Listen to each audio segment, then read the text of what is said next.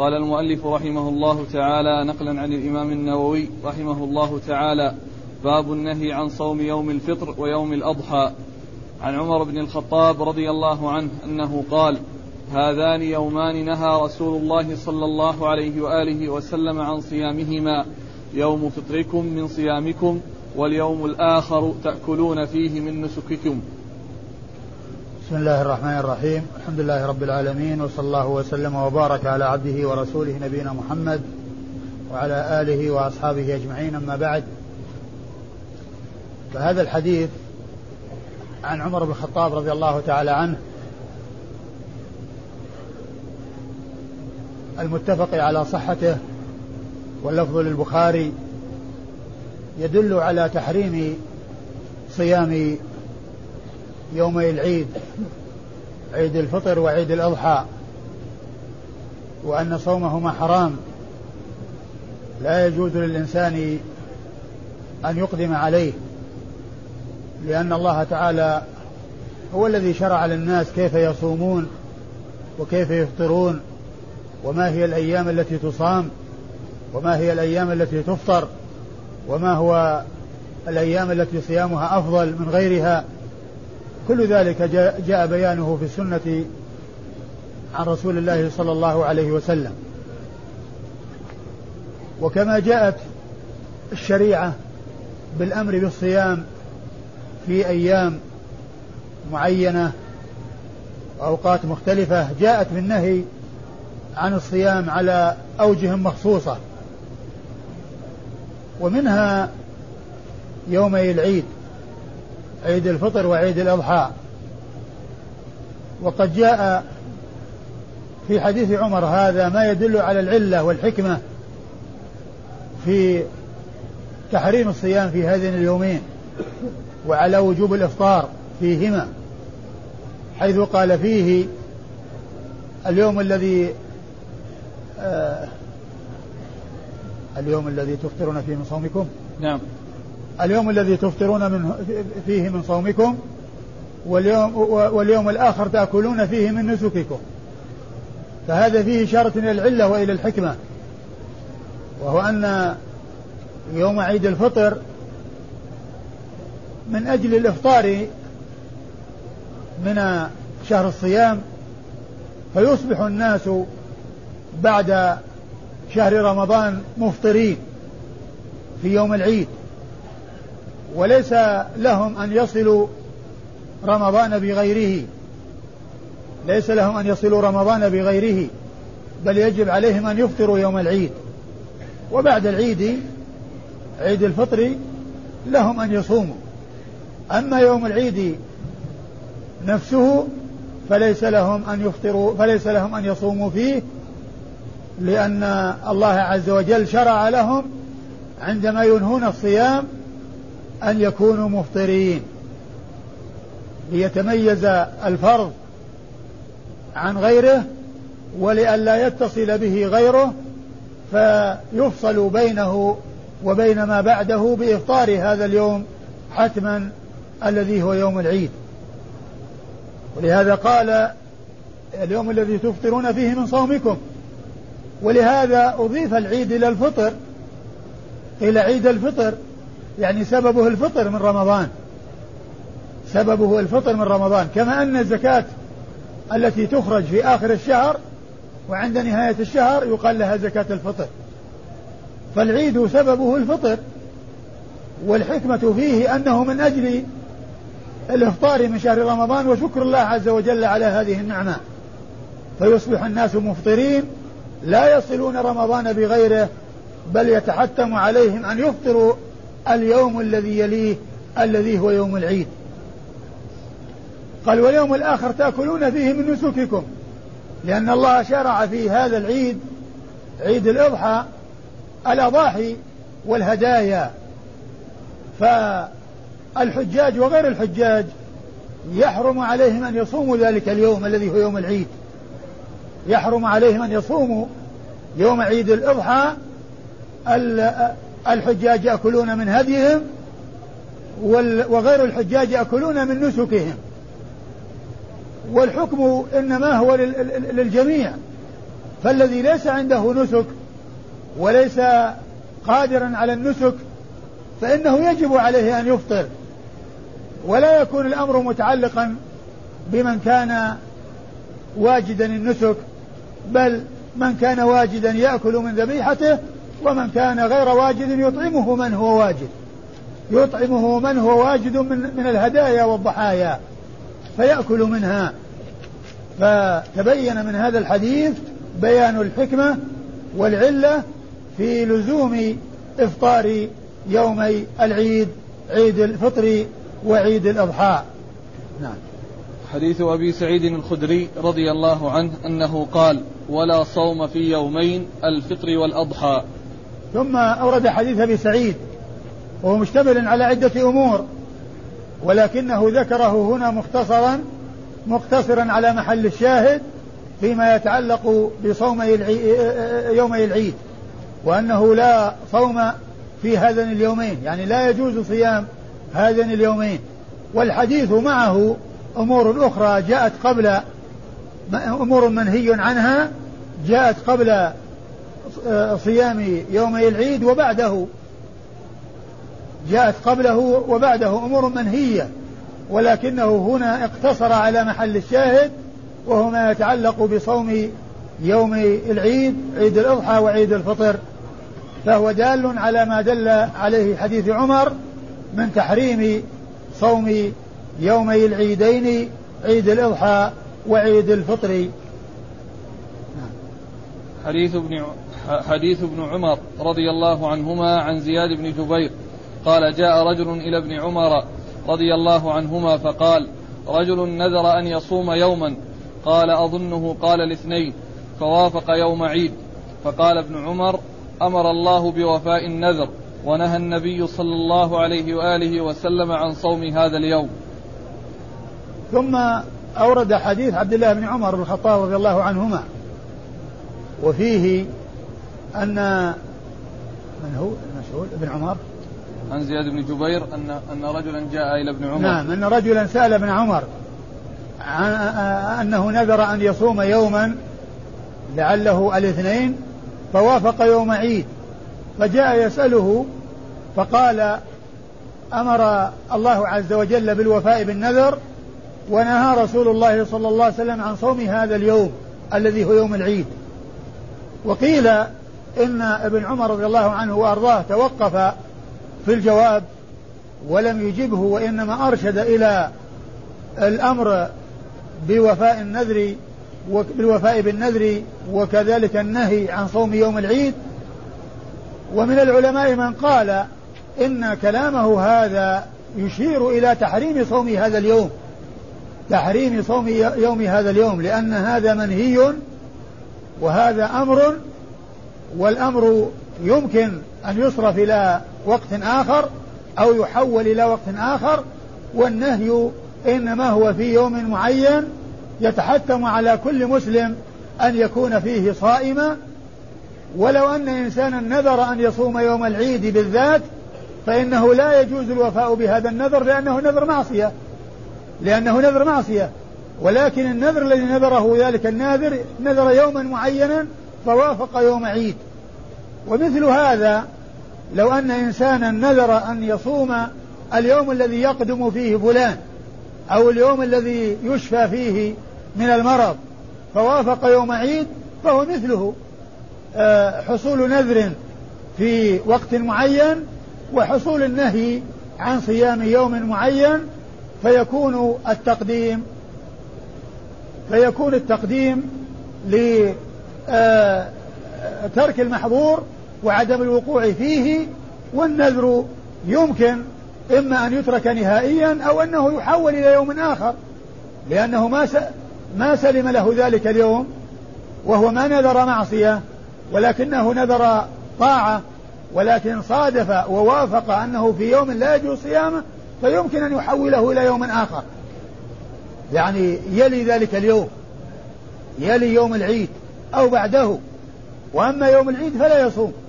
ولو وافق يوم عيد نذر يوما فوافق يوم عيد. أما أن ينذر صوم يوم العيد فهذا نذر معصية ولا يجوز الوفاء به. ولا يجوز الوفاء به لأن يوم العيد صومه حرام فمن نذر أن يصومه فقد نذر أن يفعل أمرا محرما ولا يجوز الوفاء بنذر المعصية. بل إنما يكون الوفاء بنذر الطاعة. ومن المعلوم أن الصوم طاعة ولكن كونه وافق يوم عيد ذلك اليوم لا يجوز صومه فيمكن أن يحول إلى وقت آخر ويجب الإفطار في ذلك اليوم. فيكون المسلمون جميعا في في هذين اليومين مفطرين ولا يجوز لأحد أن يصوم ولا يجوز لأحد منهم أن يصوم هذين اليومين اللذين هما يوم عيد الأضحى وعيد الفطر. نعم. من نذر نذر معصية. ماذا عليه نذر المعصية لا يجوز الوفاء به ولكن يقال عليه كفارة يمين. عليه أن يكفر عن نذره بكفارة يمين. باب كراهة صيام الجمعة منفردا. حديث جابر عن محمد بن عباد قال سألت جابرا رضي الله عنه نهى النبي صلى الله عليه وآله وسلم عن صوم يوم الجمعة قال نعم. ثم أورد آه، ما يتعلق بصوم يوم الجمعة والترتيب كما هو معلوم لمسلم والألفاظ للبخاري ومسلم رحمه الله أتى بما يتعلق بالجمعة بعد آه، الكلام فيما يتعلق بالعيدين. ذلك أن العيدين عيد الأضحى وعيد الفطر هما عيدان في السنة وأما يوم الجمعة فهو عيد الأسبوع. فناسب أن يذكر ما يتعلق بيوم الجمعة وبصيامه بعد صيام يومي العيد عيد الأضحى وعيد الفطر. وهذا من حسن ترتيب مسلم في كتابه حيث جعل الأبواب المتناسبة يتبع بعضها بعضا. وهنا لما ذكر ما يتعلق بصوم العيدين ذكر ما يتعلق به يتعلق بصوم يوم الجمعة. وصوم يوم الجمعة جاء عن النبي صلى الله عليه وسلم ما يدل على تحريم صيامه منفردا. أما إذا صيم مع أيام ولم يقصد خصوصه بالصيام فإنه لا بأس بذلك. فلو صام أياما متواصلة وفيها يوم جمعة لا بأس بذلك. ولو صام قبله يوما أو بعده يوما لا بأس بذلك. وإنما المحذور والمنع في أن يفرد بالصوم وأن يخص بالصوم وهو يختلف عن العيدين لأن العيدين لا يجوز صومهما لا إن صيم قبلهما أو بعدهما لا يجوز ذلك مطلقا. بالنسبة لعيد الأضحى وعيد الفطر صيامهما حرام مطلقا سواء كان منفردين أو معهما غيرهما. أما يوم الجمعة فيختلف عن يومي العيدين بأن صيامه إنما هو على سبيل الانفراد. أما إذا صيم ومعه غيره فإنه لا بأس بذلك. وقد جاءت السنة عن رسول الله عليه الصلاة والسلام بما يدل على هذا وأنه إذا أريد صيامه منفردا فإن ذلك حرام ولا يسوق ومما يدل عليه حديث جويرية أم المؤمنين رضي الله عنها وأرضاها وهو في صحيح البخاري أن النبي عليه الصلاة والسلام دخل عليها وهي صائمة يوم الجمعة فقال لها أصمت أمس؟ اللي هو الخميس. قالت لا. قال أتصومين غدا؟ اللي هو السبت. قالت لا. قال فأفطري. فدل هذا على أن تخصيصه بالصيام لا يسوغ ولا يجوز وأنه محرم لأن النبي عليه الصلاة والسلام أرشد أم المؤمنين جويرية لما لم تصم يوما قبله ولا تريد أن تصوم يوما بعده أمرها بالإفطار وأن تترك صيامها وتأكل في ذلك اليوم الذي دخلت فيه صائمة لأنه لا يجوز إفراده بالصوم. وجاء في بعض الأحاديث يعني نهى عن صيامه إلا إذا أن يصام يوما قبله ويوم بعده.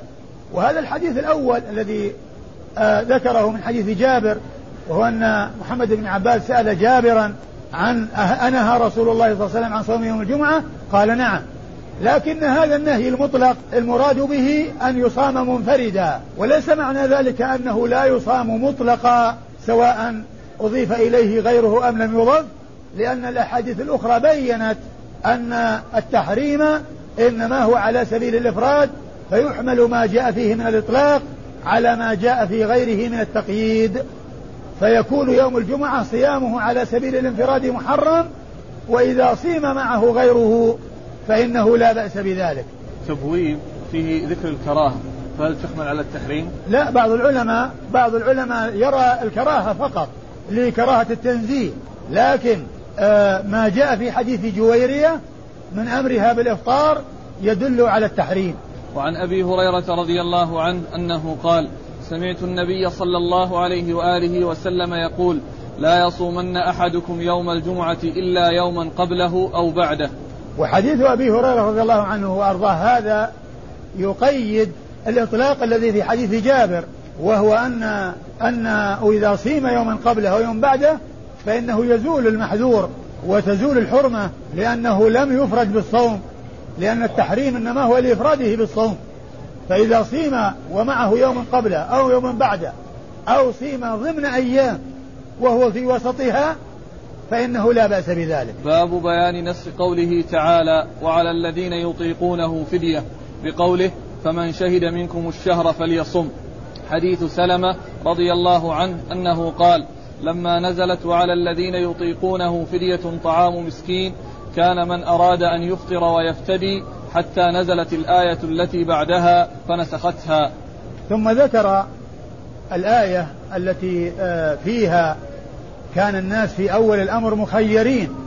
لما فرض الله الصيام شهر رمضان على الناس ما فرض عليهم ابتداء بأن يكون لازما متعينا متحتما بل فرض عليهم ومن شاء أن يفطر فله أن يفطر ولكن يفدي. يعمل فدية إطعام مسكين عن كل يوم. فكانوا قبل في أول ما شرع شهر رمضان لم يشرع لزوما عليهم بأن يكونوا كل منهم يصوم حتما بل من أراد أن يفطر فإنه يفطر وعليه فدية ثم بعد ذلك نسخ هذا التخيير. نسخ هذا التخيير بالإلزام بالصيام. فمن شهد منكم الشهر فليصمه إذا الآية الأولى التي فيها التخيير نسخت الآية التي بعدها والتي فيها الإلزام وأن من شهد الشهر فليصمه وعلى هذا فإن فرض رمضان أول ما فرض كان تدرجا. ما ألزموا بأن يصوموا شهر رمضان مطلقا بل كان هناك تدرج. فرض عليهم مع أن من أراد أن يفطر يفطر ولكن عليه فدية. فلما حصل هذا في أول الأمر نسخ هذا التخيير بالإلزام بالصوم وأنه ليس لأحد أن يفطر مع قدرته على الصيام. إلا إذا كان عنده رخصة بأن يكون مسافر أو مريض بأن يكون مسافر أو يعني امرأة حائض أو من يكون له عذر معذور. جاءت الشريعة في في في إرشاده إلى أن إلى أن يفطر وألا يكون صائما. إلى أن يكون يفطر إما لزوما كالحائض أو فيما يتعلق بالنظر في المصلحة فيما يتعلق بالمسافر إن كان يشق عليه الصيام فالأولى في حقه أن يفطر وإن كان لا يشق عليه فالأولى في حقه الإفطار الأولى في حقه الصيام وهو مخير بين الصيام والإفطار. حتى ولو لم يشق عليه. لكن أيهما أفضل؟ إن شق عليه فالإفطار أفضل وإن لم يشق عليه فالصيام أفضل والتخير مخير بين هذا وهذا. مخير بين هذا أو هذا. فإذا الآية الأولى نسخت الآية التي بعدها وأنه لا تخيير بعد نزول آية فمن شهد منكم الشهر فليصمه ومن كان مريضا أو على سفر فعدة من أيام أخرى. باب قضاء رمضان في شعبان. عن عائشة رضي الله عنها أنها قالت كان يكون علي الصوم من رمضان فما أستطيع أن أقضي إلا في شعبان. ثم أورد القضاء قضاء رمضان وأنه يكون على التراخي ولكن المبادرة فيه مطلوبة.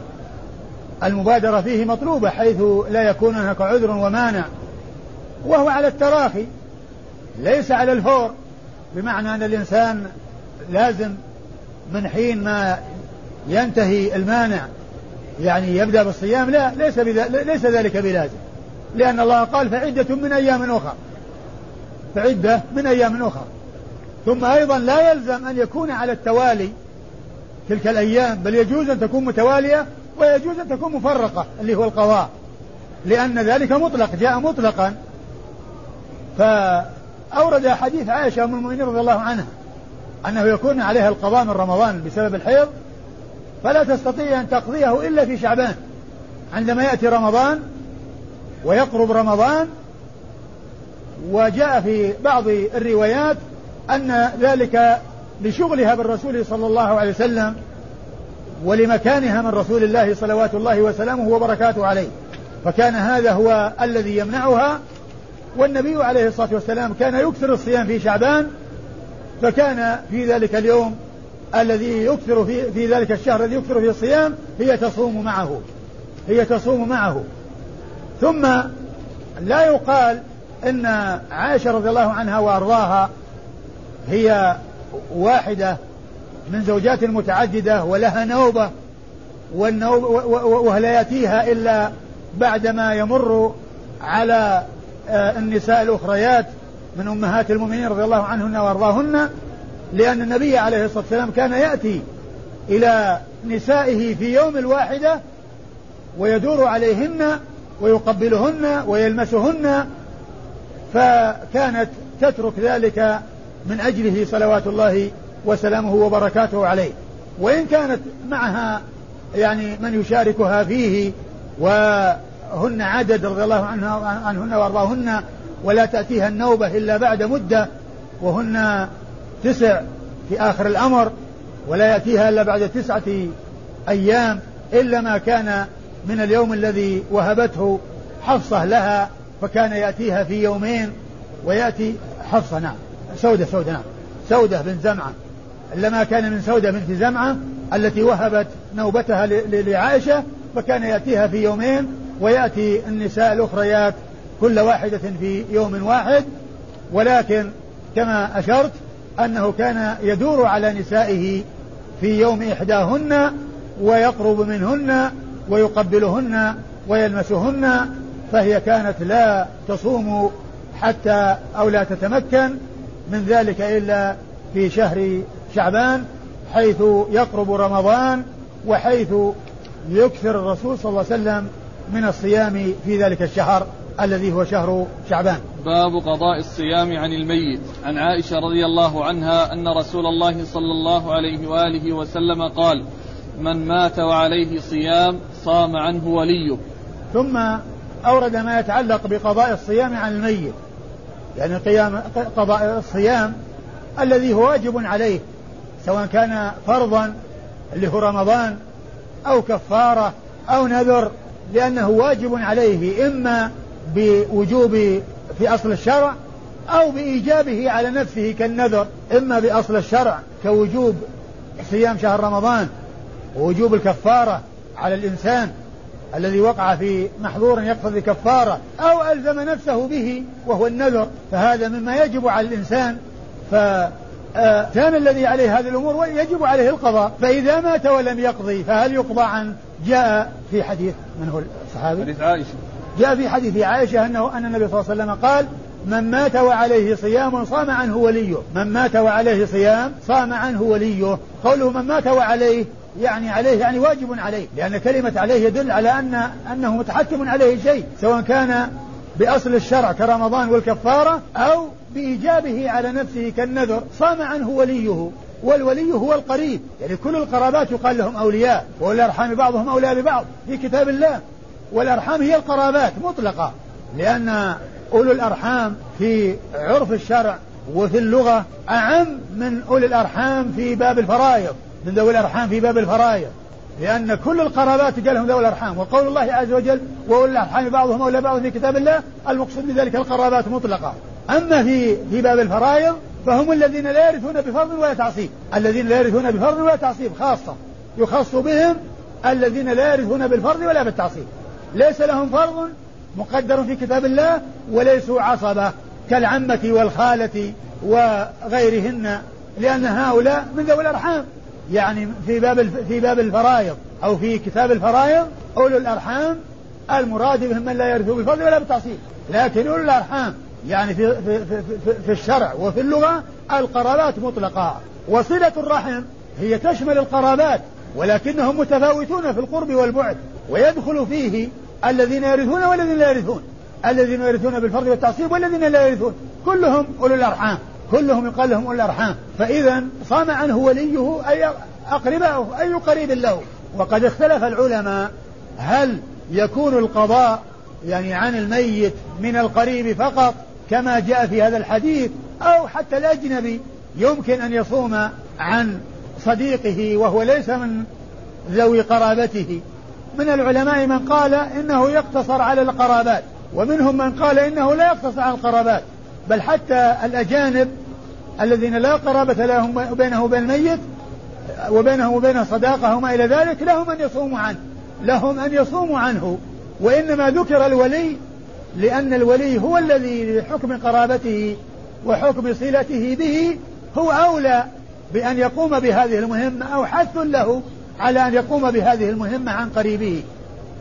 يعني فيكون التنصيص على الولي لا لأنه لا يجوز غيره بل لأنه هو الأحق وأن هذا من صلة الرحم ومن الإحسان الأرحام الأرحام, الأرحام إلى الأرحام والقرابات إلى القرابات أن يصوم بعضهم عن بعض. إذا كان على الإنسان صوم هو واجب عليه. إذا كان على الإنسان صوم هو واجب عليه فإن الأقارب هم أولى الناس بذلك. وعلى هذا لا يكون الحكم خاصا بالأقارب بل حتى الأجانب والبعيدون عنه لهم أن يصوموا لأن التنصيص على القريب إنما هو من أجل أولويته وحثه على أن يؤدي هذا الواجب عن قريبه. ومما يدل على ترجيح القول بالصيام مطلقا حتى من الأجنبي أن أنه جاء في بعض الأحاديث يعني ما يدل على أن هذا دين وأن الدين عن الميت تخليصه منه مطلوب وإذا حصل التخليص من الدين من أي جهة كانت فإن ذلك معتبر. لأن لأن الدين الذي على الإنسان لو قضاه أجنبي عن نفعه إذا كان في فلوس نقود ثم دفع إنسان أجنبي وقضى بها دين ذلك نفعه ذلك. وقد جاء في بعض الأحاديث أن الرسول صلى الله عليه وسلم لما قال أن أمي يعني يعني رجل يسأل النبي صلى الله عليه وسلم عن عن أمه أو عن أبيه أنه كان عليه يعني أمر واجب هل ينفعه أن يقضيه عنه؟ قال أرأيت لو كان على أبيك دين فقضيته أكان ينفعه؟ قال نعم قال فدين الله أحق أن يقضى. فدين الله أحق أن يقضى. هذا يدلنا على أن الدين الذي لله عز وجل يمكن أن يقوم به البعيد كما يمكن أن يقوم به القريب. لأنه أضاء لأنه علل بكونه دين وأن الدين إذا قضاه ومن معلوم أن الدين لو قضاه إنسان أجنبي فإنه يكفي. فكذلك الذي سأل عن أمه أو عن أبيه وقال دين الله حق أن يقضى يدل على أن غير القريب يمكن أن يؤدي هذا الدين عن البعيد. وعن القريب من لا يكون من أقربائه ولكن قوله صام عنه وليه المراد به أو التنصيص على الولي إلى أنه هو الأولى أو حث الولي وأن هذا من إحسان القريب إلى القريب ومن حق القريب على القريب. نعم. وعن ابن عباس رضي الله عنهما أنه قال جاء رجل إلى النبي صلى الله عليه وآله وسلم فقال يا رسول الله إن أمي ماتت وعليها صوم شهر أفأقضيه عنها؟ قال نعم. قال فدين الله أحق أن يقضى. وهذا الحديث يبين الحديث الأول وأنه ليس مقيدا بالقريب لأنه لما علله بقضاء الدين وأن دين الله أحق أن يقضى ولو كان على أمك دين فقضيته عنها كان ينفعها قال فدين الله حق أن يقضى. ومن المعلوم أن دين دين الإنسان يعني من الدين الذي يكون عليه لأحد ولو قضاه أجنبي ينفعه كما جاء في الرجل الذي توفي وكان عليه وكان الرسول صلى الله عليه وسلم في أول الأمر لا يصلي على من عليه دين حتى يحذر الناس من أن يكون عليهم ديون. فقال أبو قتادة قالوا عليه دينار. سأل عن ميت قالوا عليه دينار. قال صلوا على صاحبكم. فقال أبو قتادة علي الدينار يا رسول الله. علي الدينار تحملهما. فصلى عليه رسول الله صلى الله عليه وسلم. فكما أن الدين دين المخلوق على المخلوق يمكن أن يؤديه غير القريب. فكذلك دين الله يمكن أن يؤديه غير القريب. لأن التعليل الذي جاء في الحديث أكان لو كان على أبيك دين أمك دين فقضيته وكان ينفعها قال نعم. فقال فدين الله أحق أن يقضى. هذا يدل على أن الصيام يمكن أن يكون من غير القريب ولا يختص بالقريب ولا يختص بالقريب. الآن القضاء. ثم ثم من العلماء من خصه بالنذر وأن صوم رمضان لا يقضى. وهذا القول قال به بعض أهل العلم. ولكن إطلاق الحديث وعموم الحديث يدل على أن القضاء يكون لكل ما هو واجب على الإنسان من صيام الفرض اللي هو رمضان أو النذر أو الكفارة لكن وجوب القضاء في بعض الأحوال لا يجب على الميت القضاء لا يجب الميت لا يجب على الميت. وذلك لكون إنسان مرض في في رمضان ثم استمر معه المرض حتى مات في غير رمضان فإنه لا قضاء عليه لأنه ما تمكن هو من القضاء فلم يكن لازما له. أما الذي تمكن من القضاء لأن بأن أفطر وهو مريض أو أفطر وهو مسافر. ثم بعد رمضان صحيح معافى. وما صام حتى مات فهذا هو الذي يقضى عنه. أما الإنسان الذي يفطر لعذر لعذر المرض ثم يستمر معه المرض حتى الوفاة ولم يشفى مدة يمكنه القضاء فيها فإن هذا فإن هذا ليس عليه قضاء. ليس عليه قضاء. هذا الذي حصل منه ذلك. طيب يا شيخ إذا كان انتهى الباب نعم. والله تعالى أعلم وصلى الله وسلم وبارك على عبده ورسوله نبينا محمد وعلى آله وأصحابه أجمعين. نعم.